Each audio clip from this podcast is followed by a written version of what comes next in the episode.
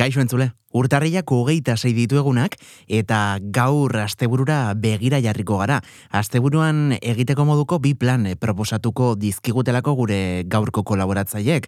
Alde batetik egiako liburutegira joango gara. Bertan Ruben Bidal delako gure zain gaurkoan ere komiki bat gomendatuko digulako.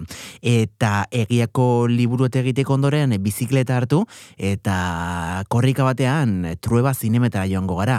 Bertan delako Pedro Saldaña, urrengo aste artean Kresala Zineklubeko lagunek proiektatuko duten liburuaz hitz egiteko prest. Beraz, eh, gaur ere, eh, edukiz beterik dator, izpilu beltza, Donostia Kultura irratira.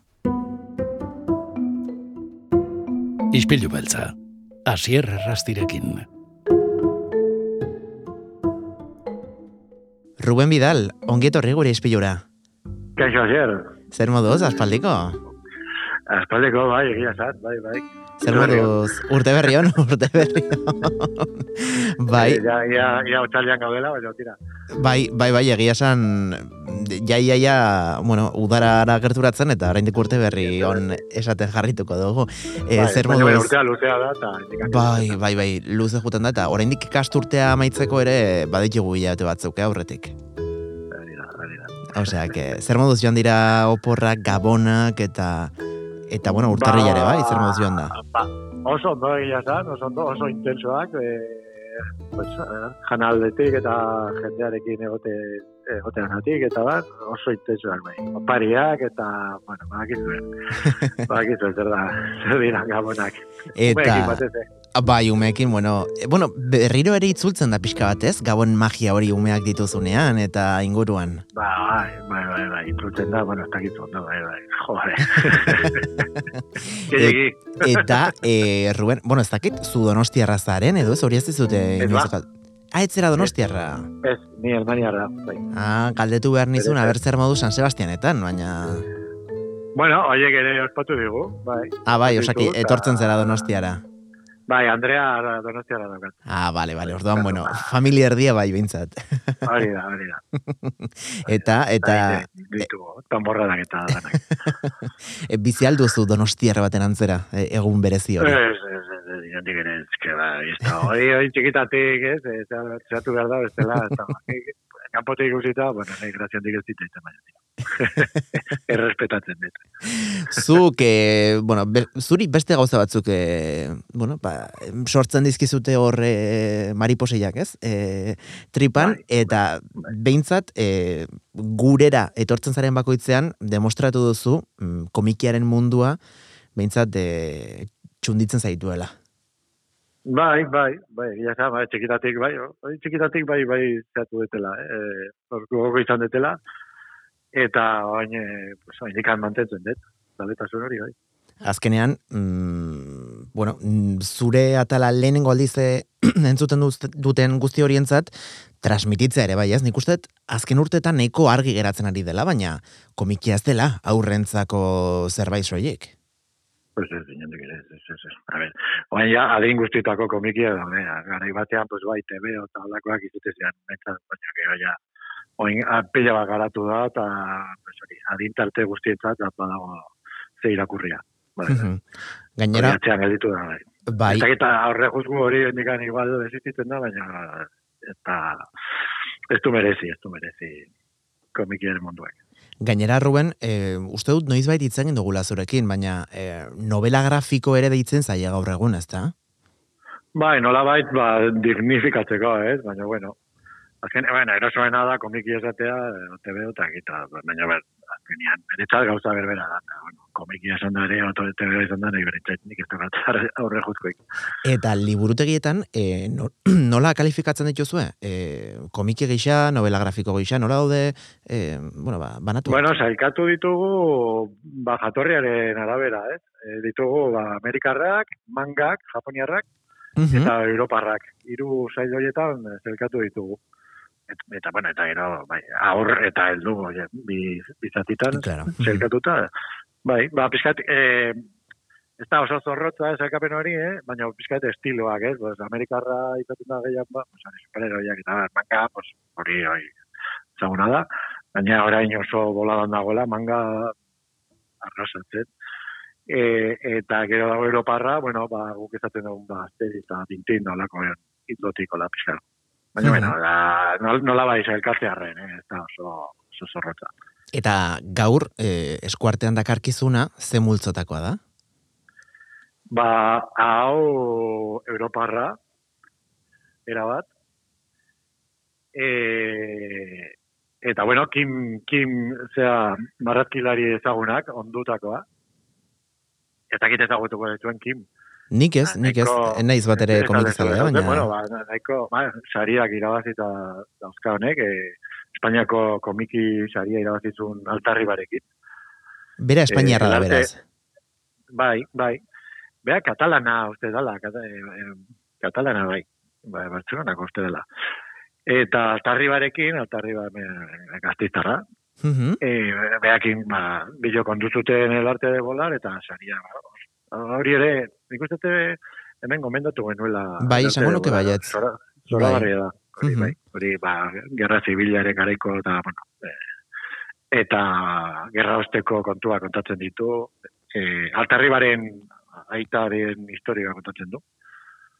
Eta, bueno, nolabait biografikoa. Eta hau ere, biografikoa, eh? Gaur, gaur, eh, zeatu jorratuko dugun komiki hau, biografikoa, eh?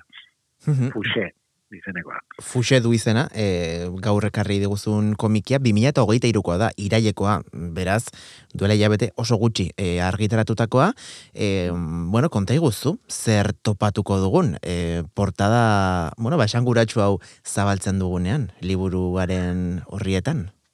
Bai, bai, bueno, portada ikusi badezu, eh, ikaragarri, erakargarria da. Bai, oso. Da, lehenengo plano bat, fuxerena, aurpegi handi bat eta horratzean hor arkitektura pues, eh, neoklasiko zoragarri bat, Mhm. eta ematen du dagoela pues, eh, antzoki batean, edo, eh? Bai, horrelako zerbait. eh, Kortinas gorri sendo batzuk, eta, bueno, batez ere bere lehenengo man, osea, lerroan, ba, bere, bere aurpegi tenebrosoa. Bueno, izan ere, azpitituloa da, fuxe, el genio tenebroso. Eta portadari, portada ikusita ez dagundu, eh? Porque beldur pixkate bat, loka begira da penetrante bat. Bai, gainera, Eta, bueno. marrazkia bada pixkate realista xamarra, eh? Bai, bai, bai. Eta kuriosoa da, ze, eh, elkarrizketa batean entzun nion kimi, esaten, ba, hasiera batean, bueno, behaz izan, ba, ba, bostetuak eta, bueno, ba, eh, bera margotu zula portada, baina ez zitza, jola gehiagi gustatu, eta orduan baztertu intzula, baina gero argitaletxekoek, normakoek, kriterio on, ona jarraituz, esan zuten, bai, bai, bai, hoxe jarri behar deula, ez baztertu. Eta egia da, bueno, asmatu dutela bete-betea, da Bai, gabe. magnetikoa.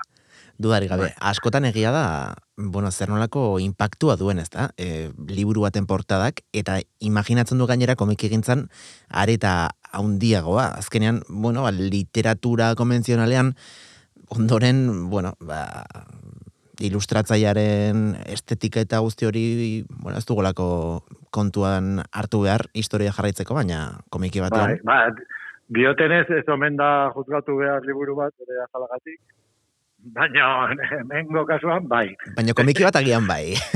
Agia, agian, bai, bai, bai, egia da, pues, azaleratzen dalako, pues, estilo guztia, da, bueno, pixkate, ematen digu, ba, pistak, ez? No, ez zenolako izango da. Claro, esan genezake dela mm, film baten trailerra bezalako zerbait, gutxo gora bera. Bai, bai, hori da, bai.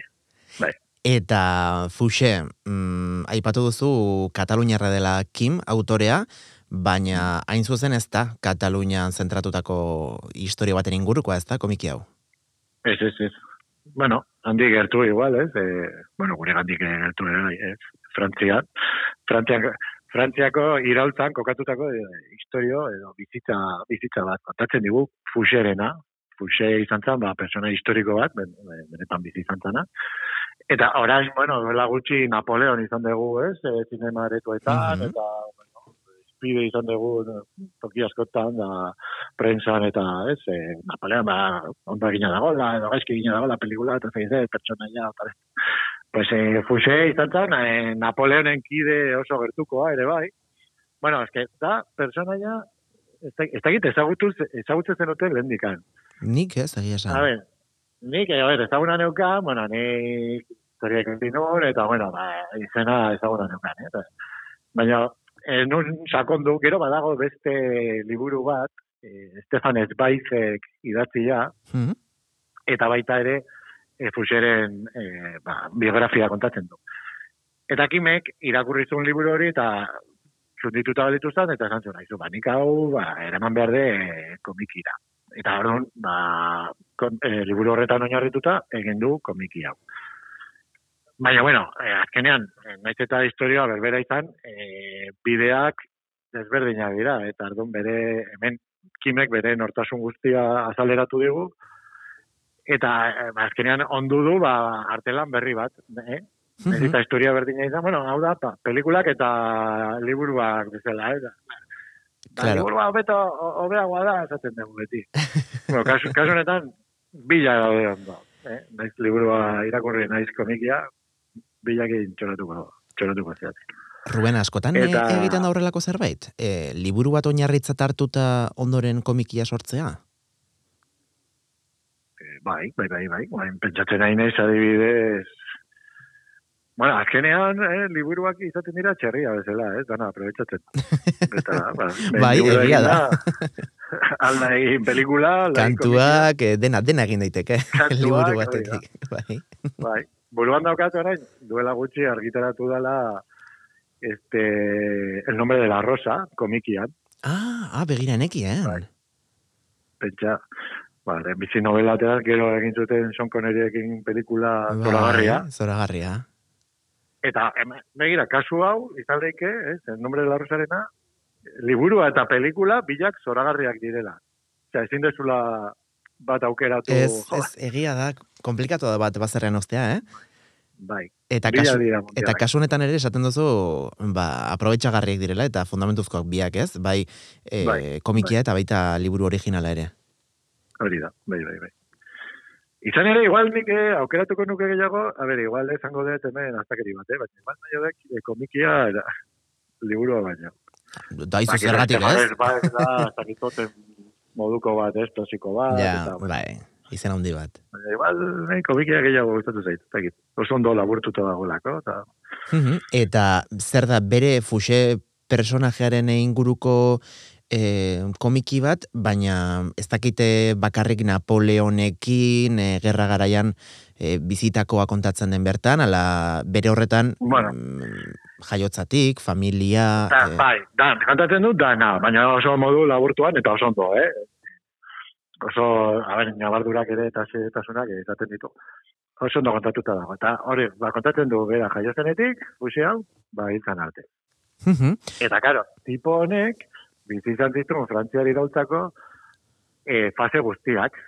Da, dane, eta danetan, a ber, badakizu frantziari iraultza, bueno, gora bera, ba, bilak izan zirela, ba, bateko, ba, Robespierre, gero besteko, zakitzein, e, gero etorri zala, gero Napoleon, gero berriro erregea jarritutela, eta ez da, nola baita esateko, eta mm, gaur egun, ba, Pedro Sánchezek, ba, irabaziko balitu este, hauteskundeak, ba, ez dakit, lau, lau partido, lau alderdi ezberdinekin.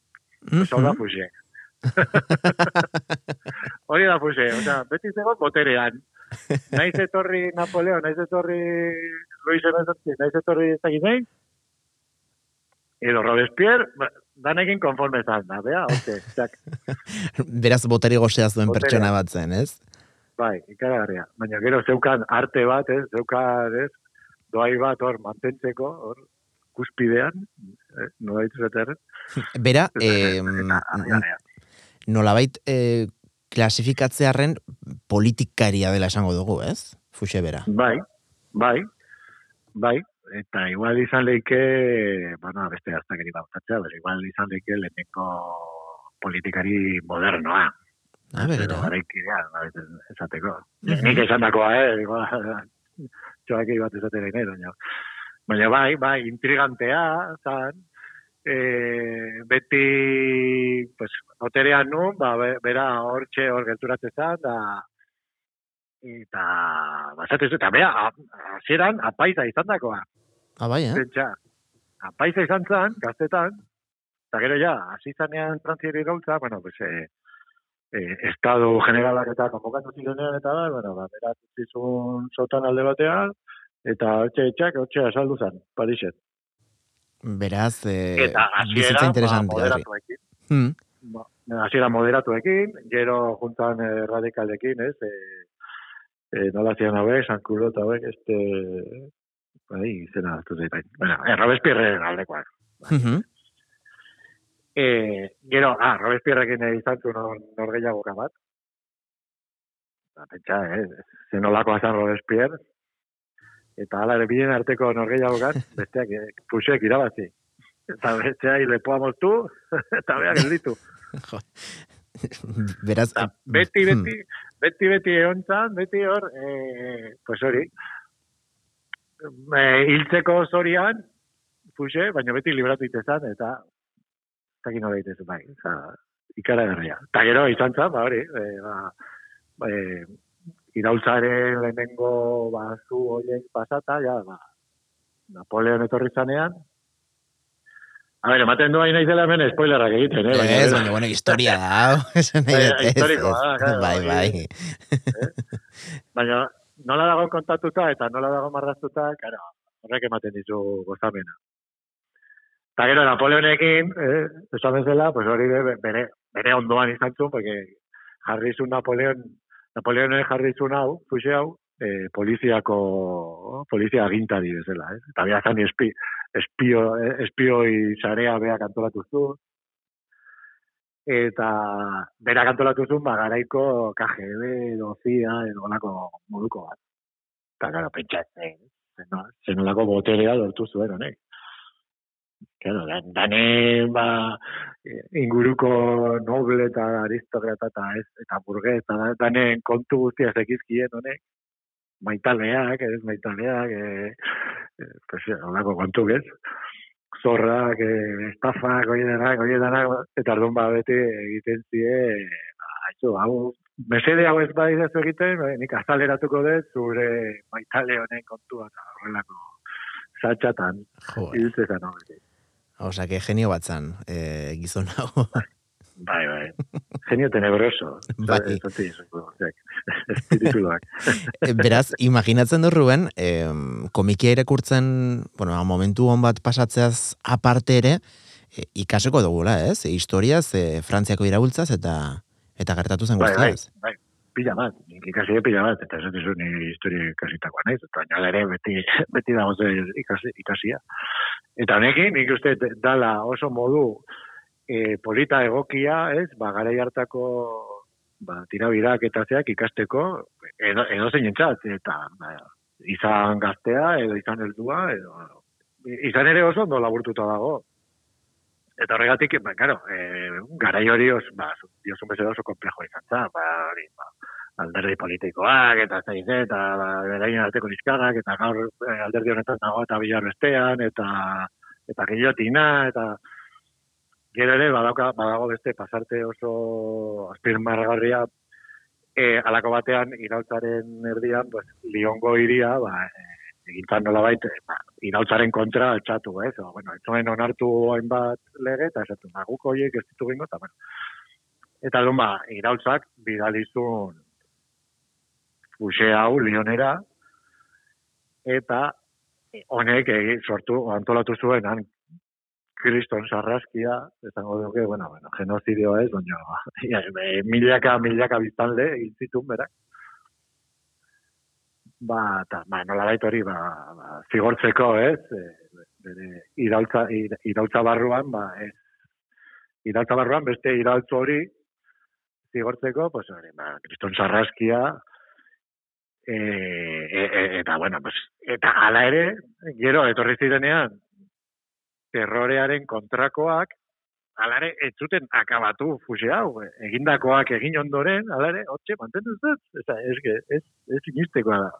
Nola lortu zuen, honek, Guztietatik, Bizia, eh, osea, bai, gero eskapatu zen.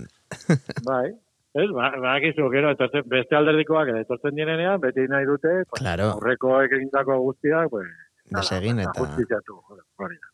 Pues, Hau, libratu egin. Beraz, eh, badu atzean eh, bizkarren historio polit bat, eh, kasunetan Kim autorearen bidez, eh, bueno, ba, ezagutuko duguna, Fuxe, El genio tenebroso, norma editorialek, eh, bueno, ba, publikatutako e, komikia, gaur Ruben Bidalek e, ekarri diguna, intxaurrondoko kulturetxetik.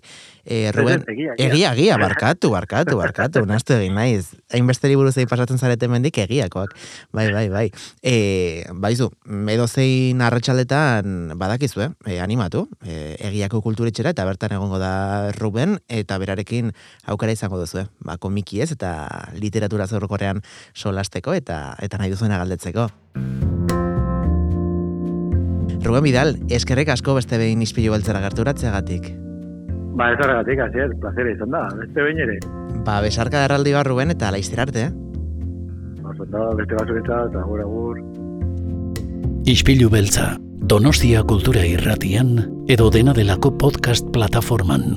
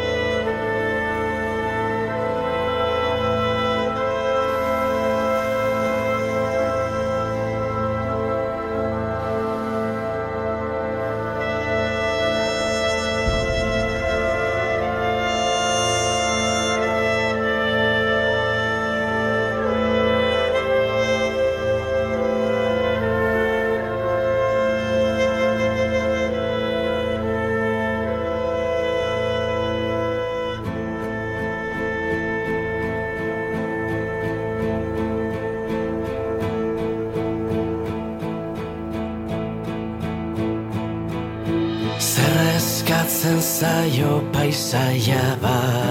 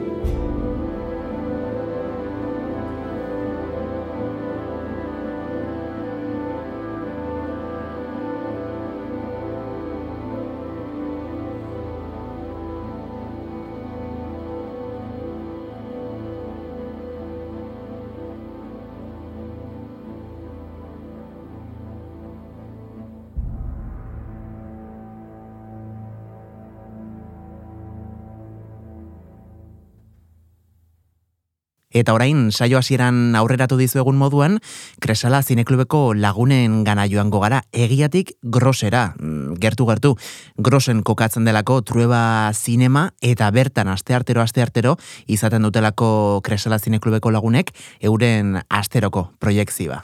Pedro Saldaña, ongi etorri, gure izpilura. Eh, buenos días, ¿qué tal? Muy bien, ¿y tú qué tal, Pedro Aspaldico? Bien, muy bien. Aquí pasando las Navidades y ya acabando la cuesta de enero. Sí, porque precisamente, eh, bueno, de la película de, las que, de la que nos vas a hablar hoy es la última proyección que vais a tener en enero, eh, porque esta película lo proyectaréis el próximo martes día 30 en los cines Trueba, como siempre. Sí, sí, sí, la última película del mes en, en los cines Trueba, después de la colaboración que hicimos la semana pasada con Amnistía Internacional uh -huh. y ya, ya este, cuando la gente venga al cine conocerá también la programación del, del mes de febrero. Sí, porque soléis eh, anunciar eh, el último, ¿no? Eh, sí. En la última película, en la última proyección, eh, lo que nos vais a traer en febrero, que, que yo también tengo ganas ¿eh? de saberlo porque todavía no me lo habéis llevado. y, y, en este caso, hoy nos traes una propuesta completamente diferente, ¿no? A lo que estamos acostumbrados. Sí, en, en muchos sentidos sí. Es Los Peores, se titula en castellano, Les Pires, o como se diga en, en francés, eh, sí es una película en muchos sentidos distinta, en otros sentidos, bueno, es una película más en la que los personajes sufren, los personajes eh, se alegran, los personajes viven, por decirlo de alguna manera. Uh -huh. Y en este caso, eh, bueno, la película, no lo hemos comentado, es del 2022, mm, muy reciente, mm. francesa. Y cuéntanos quiénes son las directoras, porque no es una, mm, sino que son sí, dos. son, son dos directoras que, bueno, de las que es eh, su, su, primer eh, largometraje de, de, ficción, Liz Acoca y Román Gueret, que tienen una historia bastante particular porque ellas eh, se conocieron haciendo dirección de casting, pero lo que se conoce como casting salvaje, que es eh, casting a actores no profesionales para intentar conseguir, pues en función de la película, un perfil determinado. A lo largo de la historia del cine hay un montón de directores que han contado con actores no profesionales.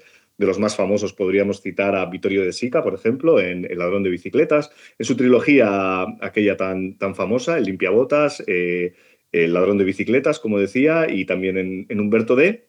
Y él contaba con, actores no profesionales porque, bueno, creía que tenían una, frescura, que luego demostraron en pantalla, eh, que, no, le iban a dar. Igualmente, Robert Bresson, también, de quien hicimos el ciclo el año pasado, también solía contar con, con actores no profesionales. En su caso, como también era un filósofo redomado, eh, él lo argumentaba, bueno, de una manera mucho más enrevesada, pero al final digamos que lo que buscaba era un poco esa frescura y eso distinto que puede dar un actor no profesional que no sabe exactamente, digamos, a, a lo que se va a enfrentar, lo, lo, que va a sentir, digamos que es nuevo, eh, son sentimientos que ya que habrá, habrá experimentado en su vida, pero que tiene que trasladarlos en ese momento y eso es muy interesante.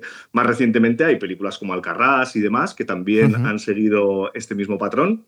Y en este caso, eh, también, eh, digamos que cuatro de los protagonistas son eh, niños, actores no, no, profesionales, a los que buscaron y de los que cuentan la historia. No, no la historia que va a contar la película, porque asistiremos al rodaje y demás, sino la historia de los propios personajes, de esos cuatro chavales, cómo es su relación en el cole, eh, algunos vienen eh, de familias desestructuradas, hay una, por ejemplo, que perdió a su hermano recientemente y a veces se tiene que enfrentar a las burlas de sus compañeros, etc. Entonces, de alguna manera, dentro de ese propio rodaje, iremos viendo cómo son sus sus experiencias y cómo se enfrentan al, mundo, cómo poco a poco, como en, esas películas que se llaman Coming of Age, que es, eh, bueno, pues eh, de madurar, de, de, darte cuenta de que, bueno, las cosas son de una determinada manera y, de alguna manera también crecer. Y Pedro, a mí lo primero que, que, me viene a la cabeza es cómo se puede hacer una película mmm, bueno, partiendo de la base de que prácticamente no tienes guion. Mm, no, yo entiendo que en, en, este caso sí que tienen un guion de lo que quieren contar.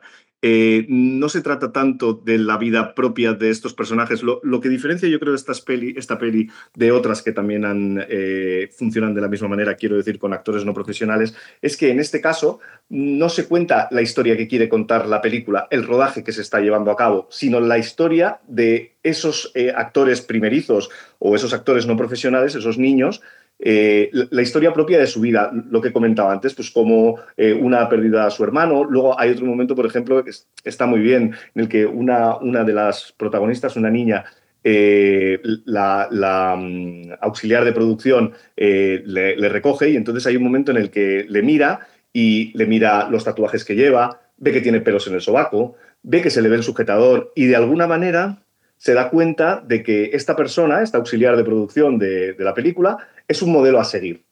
Y eh, digamos que, bueno, pues eh, a partir de ahí, con todos los personajes, hace una labor más o menos parecida. En ese sentido, es muy interesante porque normalmente estas películas, mm, como antes he dicho, pues por ejemplo, Alcarrás nos cuenta la historia de una familia que va a perder su plantación de, frutas eh, por, bueno, pues por circunstancias, porque una empresa no sé qué, pero en ese caso los actores no profesionales Mm, digamos que no se dedican a eso, o sea, no, no hay un rodaje. E, en este caso, lo, que lo cambia todo es que el rodaje está presente. Entonces, al, estar presente el rodaje, lo que es esa película que están rodando ya no tiene tanto interés como el interés que tiene las vidas de esos niños enfrentándose por primera vez a un rodaje y eh, a las circunstancias de, de, su vida. Cuando terminan el rodaje, pues se van al parque a jugar, pero hay un niño que le vacila, oye tú, que sales en la peli, eres un poco no sé qué, ese tipo de cosas. Ese tipo de cosas no suelen ocurrir en esas otras películas y eso es lo que me parece realmente original de, esta propuesta.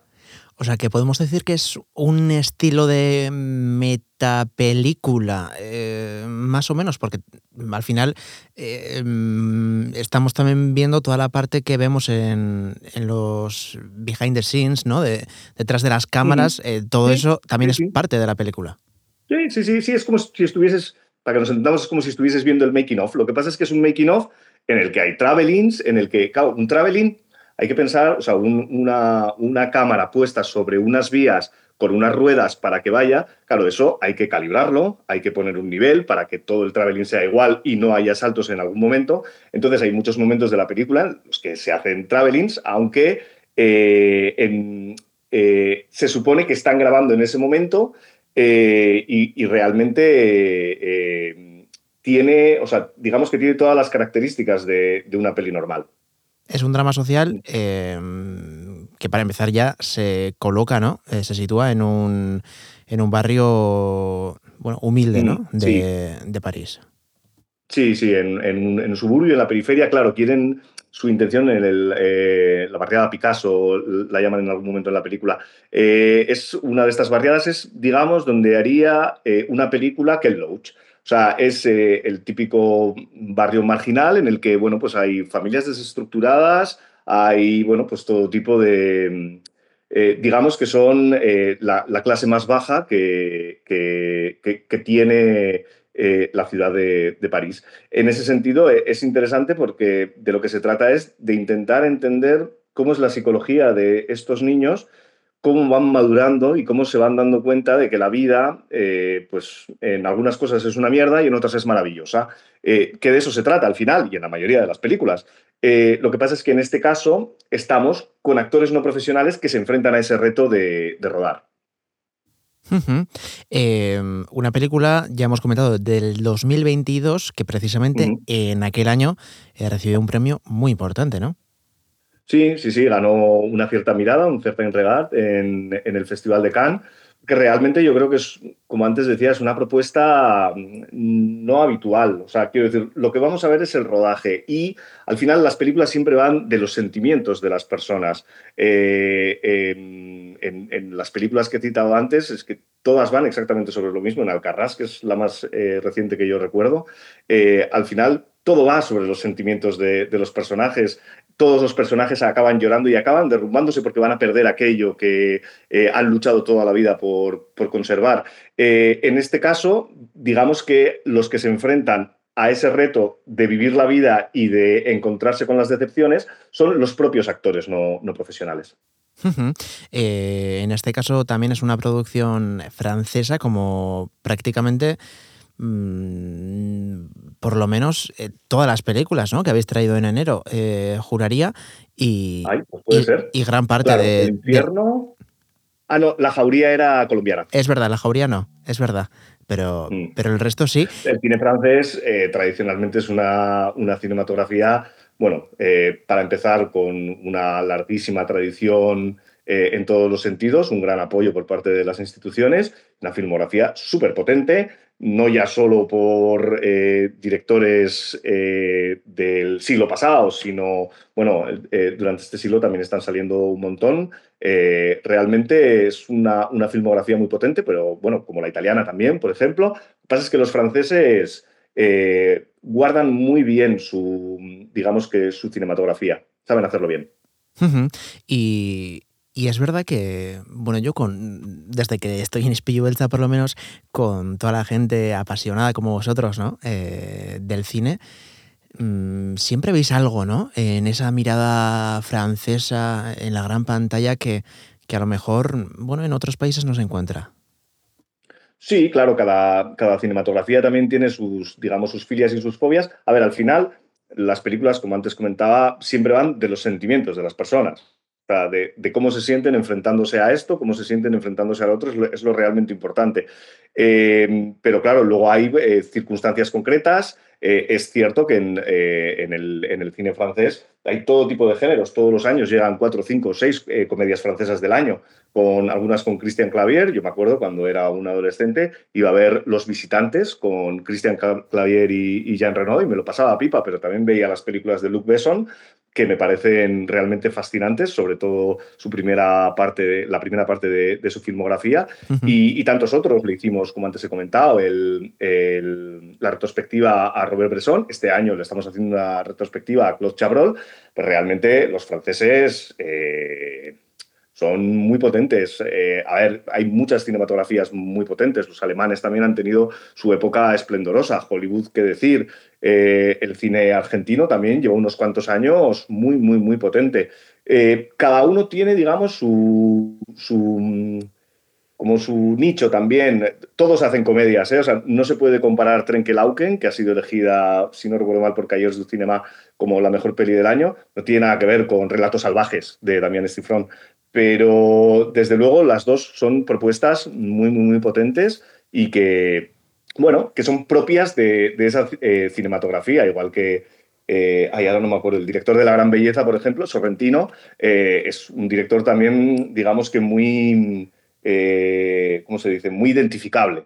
O, o, Wes Anderson, por ejemplo, en Hollywood, uh -huh, o, o, tantos otros, que son Georgios Lantimos, por ejemplo, que acaba de estrenar, eh, no me acuerdo cómo se titula, Poor Things, eh, no me, con Emma Stone. Eh, tiene una filmografía también, a mí sobre todo su etapa griega, me chifla. Cada uno tiene, desde luego, el, el nuevo cine griego, que nosotros ya hemos traído unas cuantas películas, es potentísimo. ¿Qué decir también de los rumanos? Que realmente alguien igual que no es cinéfilo dice, los rumanos, los rumanos, entre Radu Jude, del que hemos traído películas, eh, Cristi Puyu, eh, hay un montón, eh, el director que ahora no me acuerdo, eh, que estuvo el año pasado también en el, en el Festi de Donosti, eh, o sea, realmente hay muchas cinematografías muy, muy, muy potentes. Digamos, lo que yo opino es que hay muchísimo talento, y eso se refleja. También habrá una serie de películas, bueno, pues que serán, eh, digamos, no voy a decir, bueno, más flojas o, quizás eh, menos redondas o, menos completas, pero llega de, de todas las partes de, de, de Europa y, del mundo. Pues en este caso, el propio, el próximo martes, eh, día 30, Les Pires, eh, una película francesa que podremos disfrutar a las siete y media de la tarde en los cines Trueba, de la mano de Cresala Cinecluba. Eh, ¿A quién invitamos, Pedro? Hombre, yo creo que cualquier persona que quiera ver cómo es la realidad social de estos cuatro chicos en concreto, como antes decía, ¿no?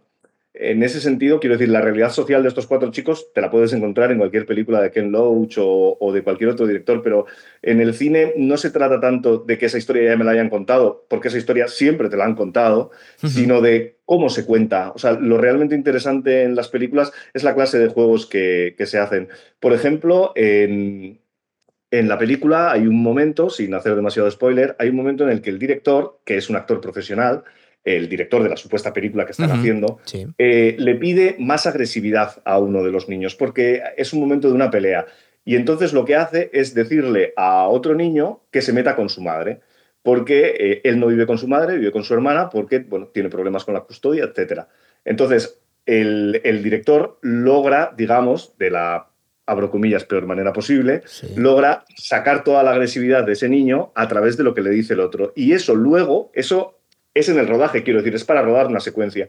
Y luego hay otro momento en el que la chica que ha fallecido a su hermano se encuentra en un momento más o menos eh, similar. Y está muy bien ese paralelismo en el que vemos cómo en un momento eh, se le provoca para conseguir algo y cómo en el otro momento también se le provoca para conseguir algo. Y, digamos que las dos situaciones tienen de distinto que en una ha intercedido en el director y en la otra no ha hecho falta, pero las dos situaciones serán en, en la película y es un hecho que yo creo que cuando se vea la película podremos hablar de ello y es realmente interesante como la mayoría de las cosas que creo que plantea esta película.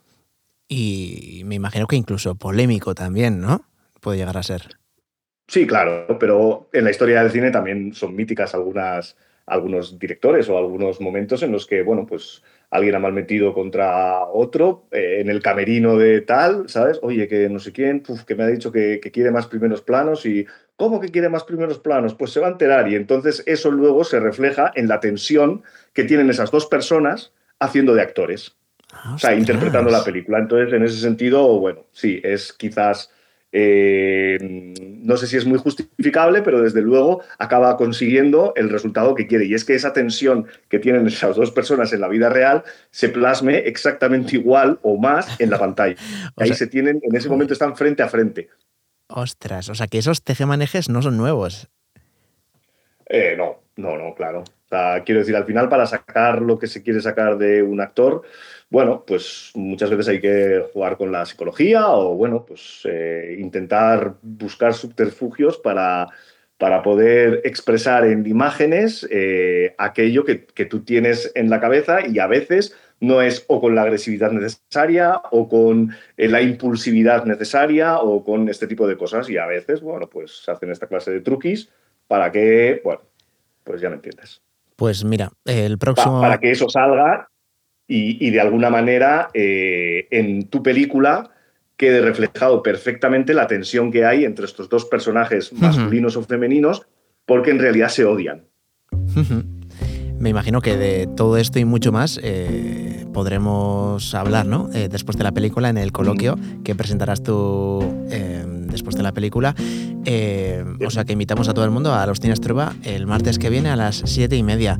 Pedro Saldaña, es que ricasco una vez más por, por venir por aquí, por Espillo Belza, a traernos, bueno, a explicarnos todos estos entresijos que, que realmente no, no somos capaces de ver, los que no somos eh, pues tan aficionados como vosotros al cine.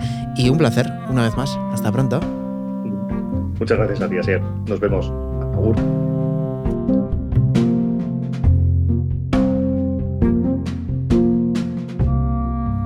Ba, tira, iritsi da ostirala, iritsi da agurtzeko ordua, gu orain, tira, ba, bulegotik irten eta antiguara gerturatuko gara, bertako jaiak ospatzen ari direlako, e, pasaden ostiralean hasi ziren, baina plater nagusia atzo hasi zen, eta gaur, tira, ba, poteo elegantea, e, elektrotxaranga, eta ondoren e, Bentaberri plazan kontzertuak ere izango ditugu, beraz gu aragoaz, mm, gure donostiaz gozatzera, antiguaz, kasu honetan, eta astelenan itzuliko gara, gogotxu, eh? indarrez eta ilusioarekin beti bezala, goizeko seiretan podcast plataformetara, eta goizeko zortziretan donostia kultura irratira, eunda zazpi puntu lau FM-era.